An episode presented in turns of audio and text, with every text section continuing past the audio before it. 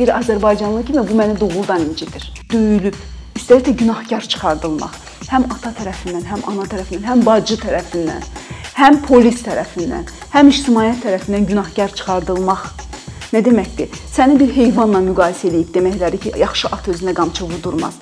Nə deməkdir? Bu insan şərəf ləyaqətini nə qədər alçaltmaq demək. Gecə döyülüb, ayaqyalın evdən qaçan qadına getməyə yer yoxdur bizim məmləkətdə, yoxdur. Axı bizim bəzən millət vəkilləri elə söz danışırlar ki, yəni o kən heç bir ucqar kənddə elə mövqe, elə yanaşma eşitməzsən.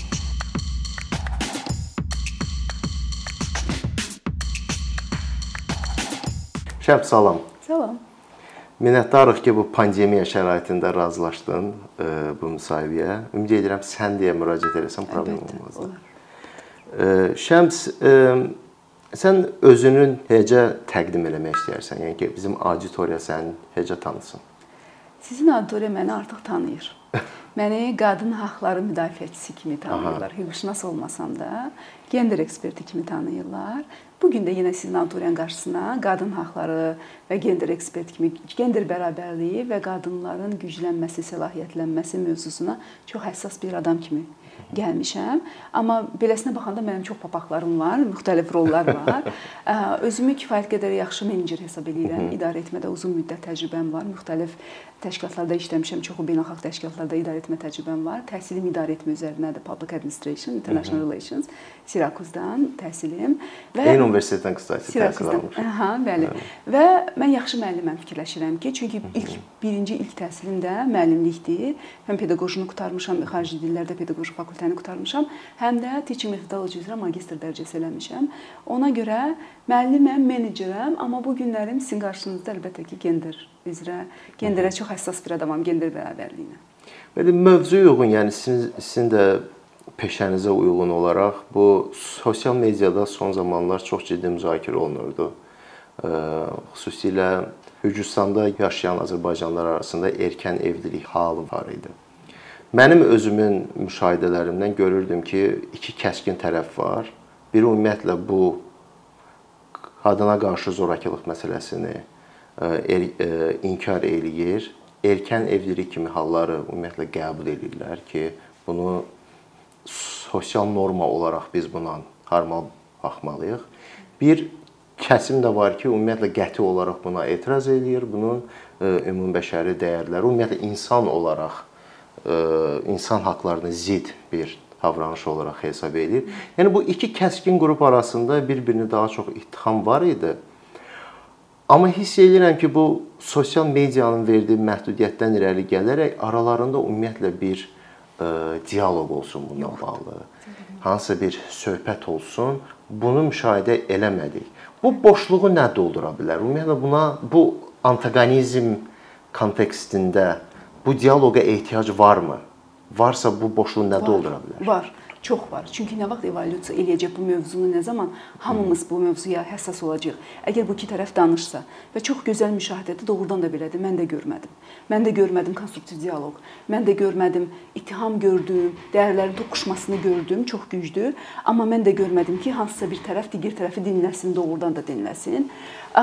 O ki qaldı həmin məsələyə gənc qızını əlbəttə ki, mən e, haqqlar tərəfindən baxdığım üçün, insan haqqları tərəfindən baxdığım üçün əlbəttə mənim üçün çox dəhşətli bir mənzərə idi. Mən ona mən də ona haqqlar prizmasından baxıram.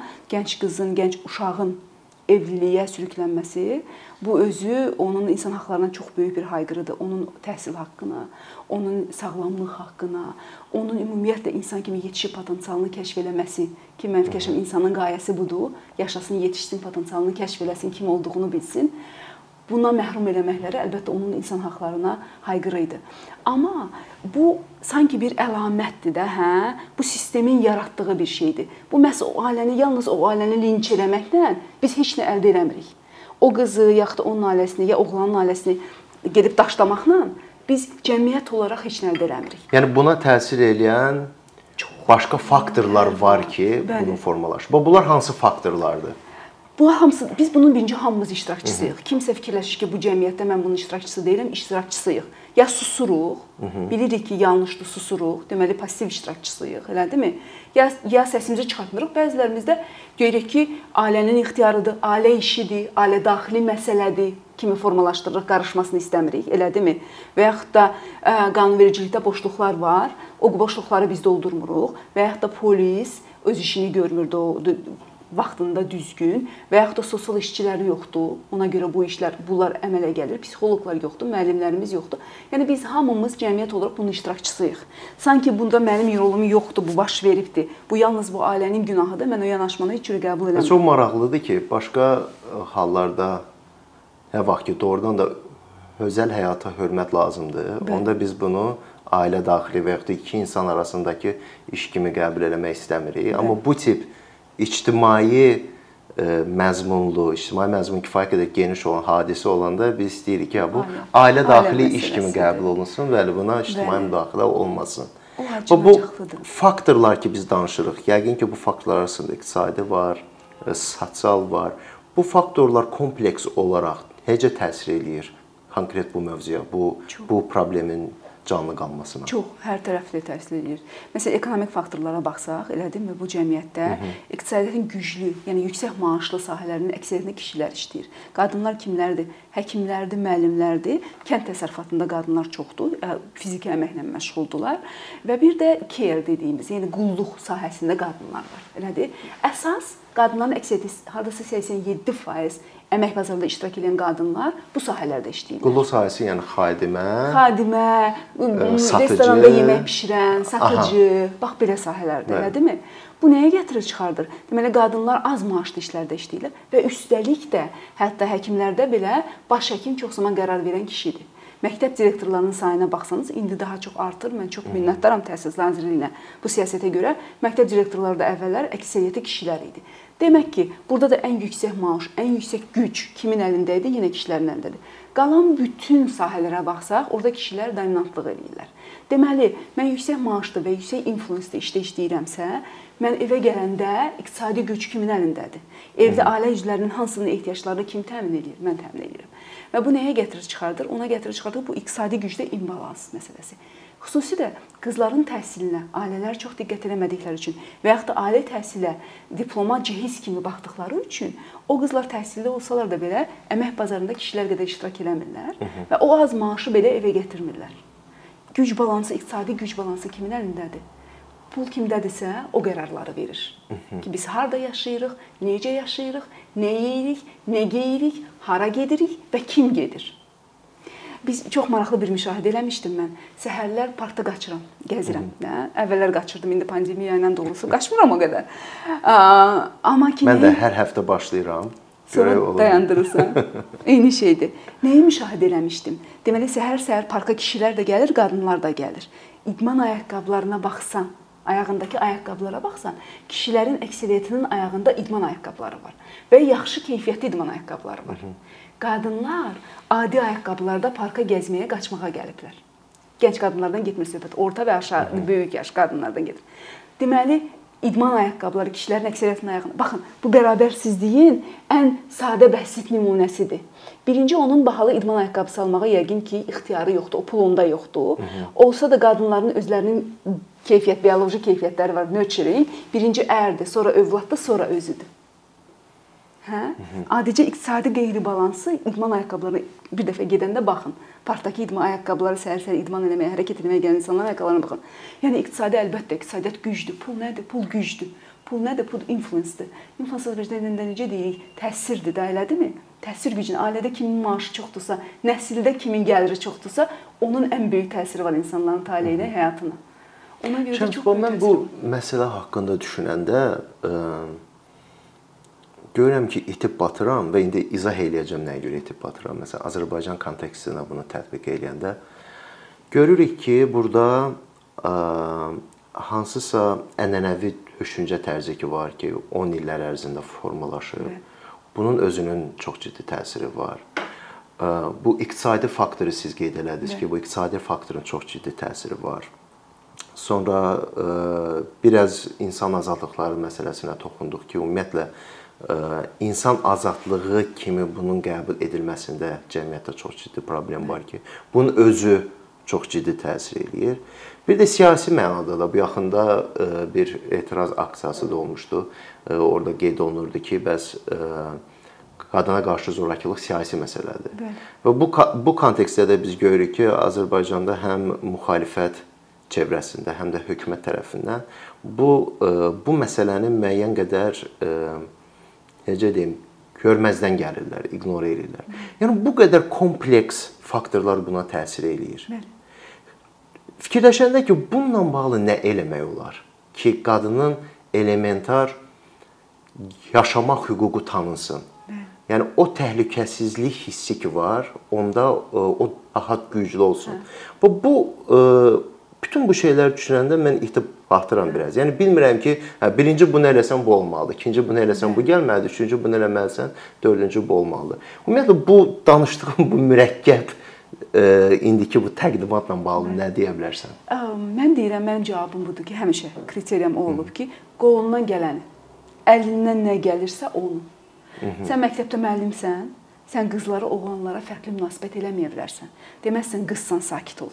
Deməzsən qızsan, get ədəbiyyat oxu. Əş müəllimdən zaddan olarsan da. Deməzsən belə. Deyərsən sən ağıllısan, sən bacarıqlısan, sənin gözəl zəkan var, sən ürəyində istəsə ola bilərsən. Elədir? Yaxşı, sən fəalsansa, daha ictimaiyyətdəki bir adamsansa, əlbəttə ki, əsas məsələ polisidir. Siyasətə təşkil etməkdir. Mən də razıyam ki, bunun bir çox hissəsi siyasət məsələsidir. Siyasət məsələsi nəyə görə? Çünki misallar çox əhəmilidir. Siyasət həm qanunvericilikdə bəzi boşluqlarımız var. O qoşulan doldurmasıdır. Çoxlu action planlarımız var bizim, fəaliyyət planları var hökumətin. Çünki qanun bir şeydir, fəaliyyət planı bir başqa şeydir, elədimi? Fəaliyyət planı necə yaradılır ki, qanun həyata keçirmək üçün hökumətin görəcəyi tədbirlər planı. Hökumətin və qeyri-hökumət təşkilatlarına bir yerdə görəcəyi tədbirlər planıdır əslində. Hə, o tədbirlər planı qəbul olunsun və o tədbirlər planı həyata keçirilir. Məsəl üçün, qadınlara qarşı seks selektiv selektiv abortlarla bağlı artıq fəaliyyət planı 2020-də qəbul olunubdur.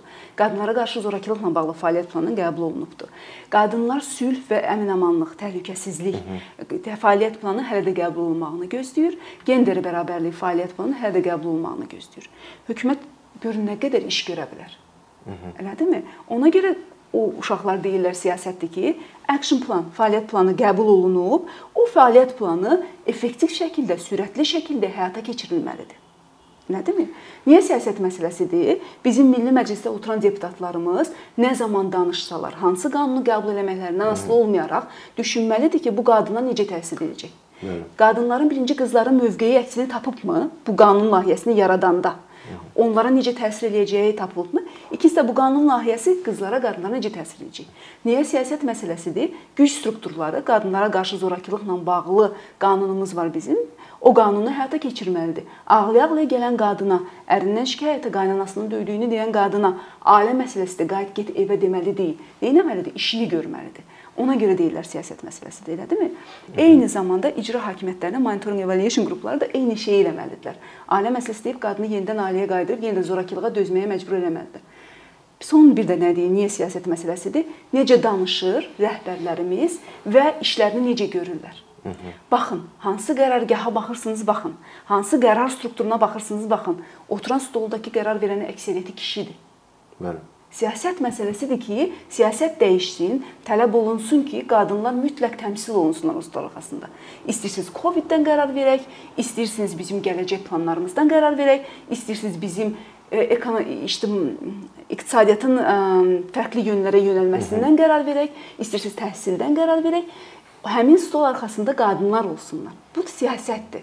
Amma başqa böyük hissəsi nədir? Bu düşüncə tərzinin dəyişməsidir. Xalqın, millətin düşüncə tərzinin dəyişməsidir. Bunu artıq artıq hökumət ancaq bunlara çatdırır. Normalda beynəlxalq təşkilatlarda, beynəlxalq ölkələrdə, müxtəlif ölkələrdə bunu qeyri-hökumət təşkilatları eləyir.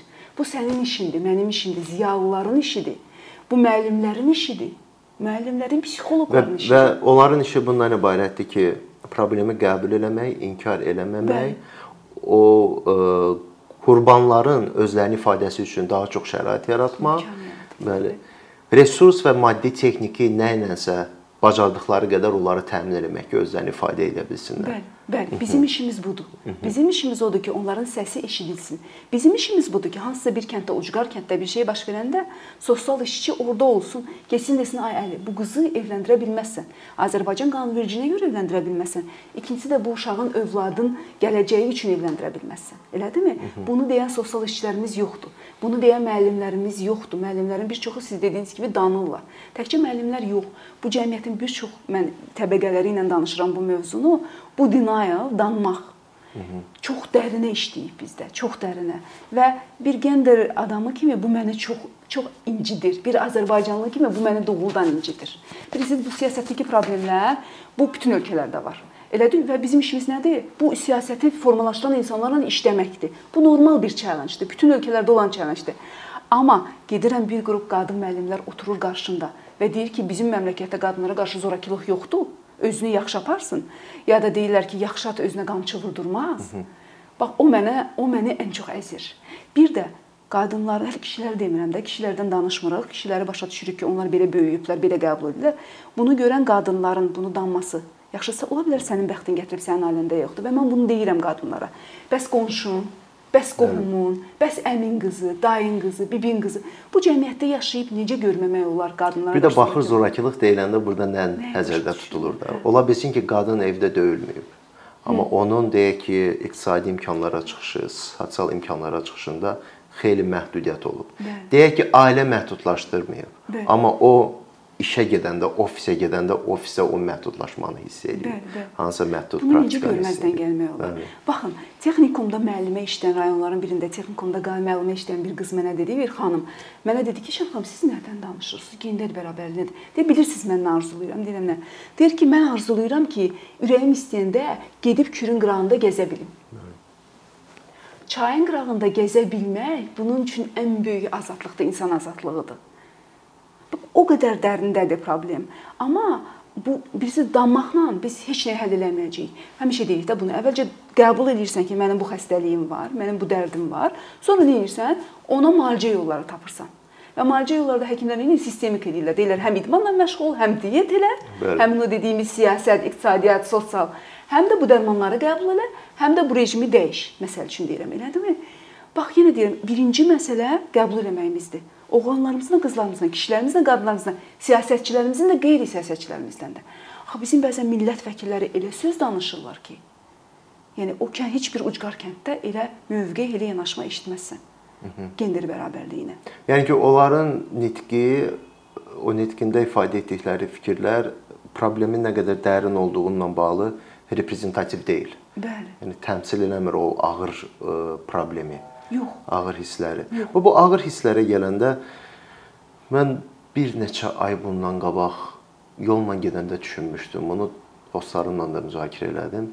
Deyirəm ki, təsəvvür elə, e, məsələn, qadınlarla bağlı hələ vizual olaraq nə problem var? Sən harasa gedirsən, sənə ətrafdan bir neçə kişi baxır. Bəli. Arxadan gələn baxır, irəlidən gələn baxır, hətta çönüb belə baxanlar var və s. Bəli. Mən bir anlıq fikirləşdim ki, mən özümü qoyum onun yerinə, belə çöllə gəzim, mənə belə baxsınlar. Arxadan çölsünlər, baxsınlar, belə görüm ki, belə o ingilis dilində deyilir stare. Hə, belə gözünü zilləyib baxsınlar. Yəni bu nə qədər bəli, söz atsınlar. Bəli. Bu nə qədər ağır bir təcrübə ola bilər də, ancaq belə psixoloji müstəvidə mən deyirəm. Bəzi adamlar mənə deyir ki, öyrəşirlər, halbuki bu özü də bir problemdir. Yəni onu e, o məsələyə gəlmək istəyirəm ki, bu həmin bu sosial mediadakı müzakirəyə də mən baxanda görürdüm, e, görürəm ki, ümumiyyətlə e, zorakılığın diskriminativ hansısa bir hərəkətin qurbanı olmaq bir qadın üçün nə təcrübədir, onu emosiya olaraq biz anlaya bilmirik. Xüsusilə kişilər anlaya bilmirlər heç o müzakirədə iştirak edən insanlar da mən gördüm ki, anlaya bilmədilər. Yəni problem qurbanlar qurbanların üzərindən fokus çəkildi. Daha çox özləri bu haqqda nə düşünürlər, yəni özlərinin vacibliyi məsələsi qaldı ortada. Bu, bu haqqda nə deyə bilərsən Şəmsi? Dəhşətdir. Bu yəni özünün hiss eləm, özünün necə hiss eləyir bu qurbanlar? Bəli. Bu dəhşətli. Biz dəhşətli hekayələr eşidirik. Yəni bəzən o qədər adi insan haqqı olmayan insanlar, qadınlarla rastlaşırıq, üzləşirik də bu dəhşətə gətirir məni. Yəni ki, ixtiyarı olmamaq ki, mən onu bir dəfə də demişəm, deyəsən sizdə demişəm. Saçına daraq almağa ixtiyarı olmamaq nə deməkdir? Uşağının istədiyi şeyi ona ala bilməmək, ixtiyarı olmamaq. Evin quruluşu haqqında belə ixtiyarı olmamaq. Qapıdan çıxmağa ixtiyarı olmamaq. O ixtiyarı olmamaq nə deməkdir? Yəni o insan üçün insan üçün ən böyük cəzadır da, yəqin ki, hə ixtiyarın olmasın elə şeyə. Və yaxud da döyülüb, üstəlik də günahkar çıxardılmaq. Həm ata tərəfindən, həm ana tərəfindən, həm bacı tərəfindən, həm polis tərəfindən, həm ictimaiyyət tərəfindən günahkar çıxardılmaq nə deməkdir? Səni bir heyvanla müqayisə edib deməkləri ki, ata özünə qam, yaxşı at özünə qamçı vurdurmaz. Nə deməkdir? Bu insan şərəf ləyaqətini nə qədər alçaltmaq deməkdir. Yəni mən bəzən fikirləşirəm, insan şərəf ləyaqətini alçaltmağın yolları sonsuzdur. Elədir? Bu həm maddidir, həm psixolojidir, həm fizikidir. Daimi döyülüb gözü göyərmiş iş yoldaşlarının yanına gedib qapıya dəydi demək nə deməkdir? Bu insan şərəf ləyaqətini alçaltmağın sonsuz yolları var və biz bunu qəbul edirik. Bunu normallaşdırırıq və o qadına döz deyirik ki, bunu heç birini ifadə eləmə. İfadə eləməyə yeri də yoxdur. Dinləyən qulaq da yoxdur. Dəhşətli burasıdır. Yəni getməyə yeri yoxdur. Bir başqa məsələ, dinləyən, anlayan qulaq da yoxdur. Ki, dinləyəsən heç olmasa dərdini danışa. Yəni ifadə etmək mümkün. Bizim eşitdiyimiz hekayələri ifadə etmək mümkün deyil. Yəni ki, bu qadınlarla ki işləyirik, eşidirik. Bu e, dinləyən qulaq məsələsi biz e, dövlət siyasi olaraq nə etməlidir, o haqqda danışdıq. Siyasətçilərin ritorikaları necə olmalıdır, o haqqda danışdıq. İqtisadi müstəvidə nələr olmalıdır, o haqqda danışdıq. İndi gərək biraz e, ictimai müstəvidən nələr olmalıdır. E, bizdə ictimai infrastruktur hər yerdədir, istər sığınacaqlar baxımından, istər psixoloqlar baxımından, istər bu travma ilə bağlı verilə biləcək həstə baxımından hər yerdədir. Çox pisdir, çox zəifdir, hədsiz zəifdir. Yəni bizi kimi inkişaf etmiş bir ölkəyə, əhalisinin 99% təqribən təhsilli bir ölkəyə, iqtisadi gücü olan bir ölkəyə nə müqayisə olması, yəni bizlə başqa ölkələrin müqayisə eləsə müqayisə olması deyil. Bizdə 2 dənə sığınacaq var. 2 dənə sığınacaq var. Bu boyda əhaliyə, 10 min əhaliyə ki, onun yarısı qadındır. 2 dənə sığınacaq var. Sığınacaqlarda yer nə qədərdir? Mən bildiyim qədər maksimum 30 nəfərdir. Yəni bu da basa-basla olsa. Yəni ki, sığınacağın verə ikincisi də sığınacaqda yüksək təhsilli, tə, nədir bu sahədə oxumuş, siyasəti öyrənmiş, sosiologiyanı bilən, psixologiyanı bilən insanlar işləməlidir. Heç bir potensialımız da yoxdur bizim. Yəni qadınlara nə, yəni gecə döyülüb ayaqyalın evdən qaçan qadına getməyə yer yoxdur bizim məmləkətdə, yoxdur. Və bunu hər müstəvidən deyirik ki, bu yer olmalıdır. Bizim bir hökumət kimi, bir cəmiyyət kimi, NGO-larla bir yerdə, qeyri-hökumət təşkilatlarla bir yerdə, bir çox ölkələrdə bunu qeyri-hökumət təşkilatları hökumətin dəstəyi ilə edirlər. Belə sığınacaqlar olmalıdır ki, qadınların sığınmağa yeri olsun. Birinci məsələ. Ondan sonra hansı məsələlər gəlir? Ağlayacaq ki, uşağım qalıb orada. Mən yoxam, atası onları döyəcək. Onları incidəcək ki, mən geri qayıdım. Anaları nə ilə şantaj edirlər? Uşaqlarla çox zaman şantaj edirlər, əksər hallarda o uşaqları o zorakılıq mühitindən çıxartmaq lazımdır. Axı biz anaların, qadınların travmasından danışırıq. Bəs atası anasını döyən, karavatın altında gizlənən uşaqdan nə vətəndaş olacaq? Necə insan olacaq? Necə travmalı bir insan olacaq ondan? Elədirmi? Onu unutmayaq gərək ki, uşaqlar da həmin mühitdə, həmin zorakılıq mühitində, həmin yoxluq mühitində, həmin o ixtiyarsızlıq mühitində böyüyən uşaqlar da birinci eyni şeyləri təkrar edəcəklər. İkincisi onlar çox böyük bir travma ilə böyüyürlər. Nədir? O uşaqları birinci o ailədən götürmək lazımdır, növbəti addım olaraq. O qadına psixoloji yardım olmalıdır, psixoloqlar olmalıdır. O qadına sosioloji yardım olmalıdır. Onun müəyyən müavinətlərə haqqı varsa hökumət tərəfindən, onun hansısa bir e, e, necə deyim, dəstək varsa hökumətdə, onun hamısının ona çatdırılması və tez operativ çatdırılması. Sonra iqtisadi məsələlər, bunun təsiri varmı? Onun iqtisadi müstəqilliyini təmin etmək lazımdır ki, yenə o döyənə qayıtmasın. Bəzən çox zaman döyənəniyə qayıdırlar. Çünki təhsili yoxdur, işi yoxdur, uşaqlarla məşğulubdur və əmək bazarında özünə yer tapa bilmir. Yəni çıxı doğrudan da çıxış yolu yoxdur. Həmin o zorakılığı törədənə qayıtmaq məcburiyyətindədir. Elə eləməliyik ki, o qadını həmin o sığınacaqlardakı bütün o dəstəklə birlikdə onu müstəqil yaşamaq ixtiyarı olsun, imkanı olsun. Bunlar hamısı bizdə çox zəif vəziyyətdədir. Yaxşı xəbər nədir? Sosial Müdafiə Nazirliyi bunu bilir və bunun üzərində işləyirlər. Yəni gerçəkdən səmimi bunun üzərində işləyirlər. Bax indi sosial müdafiə, sosial iş üçün xüsusi agentlik yaradıldı.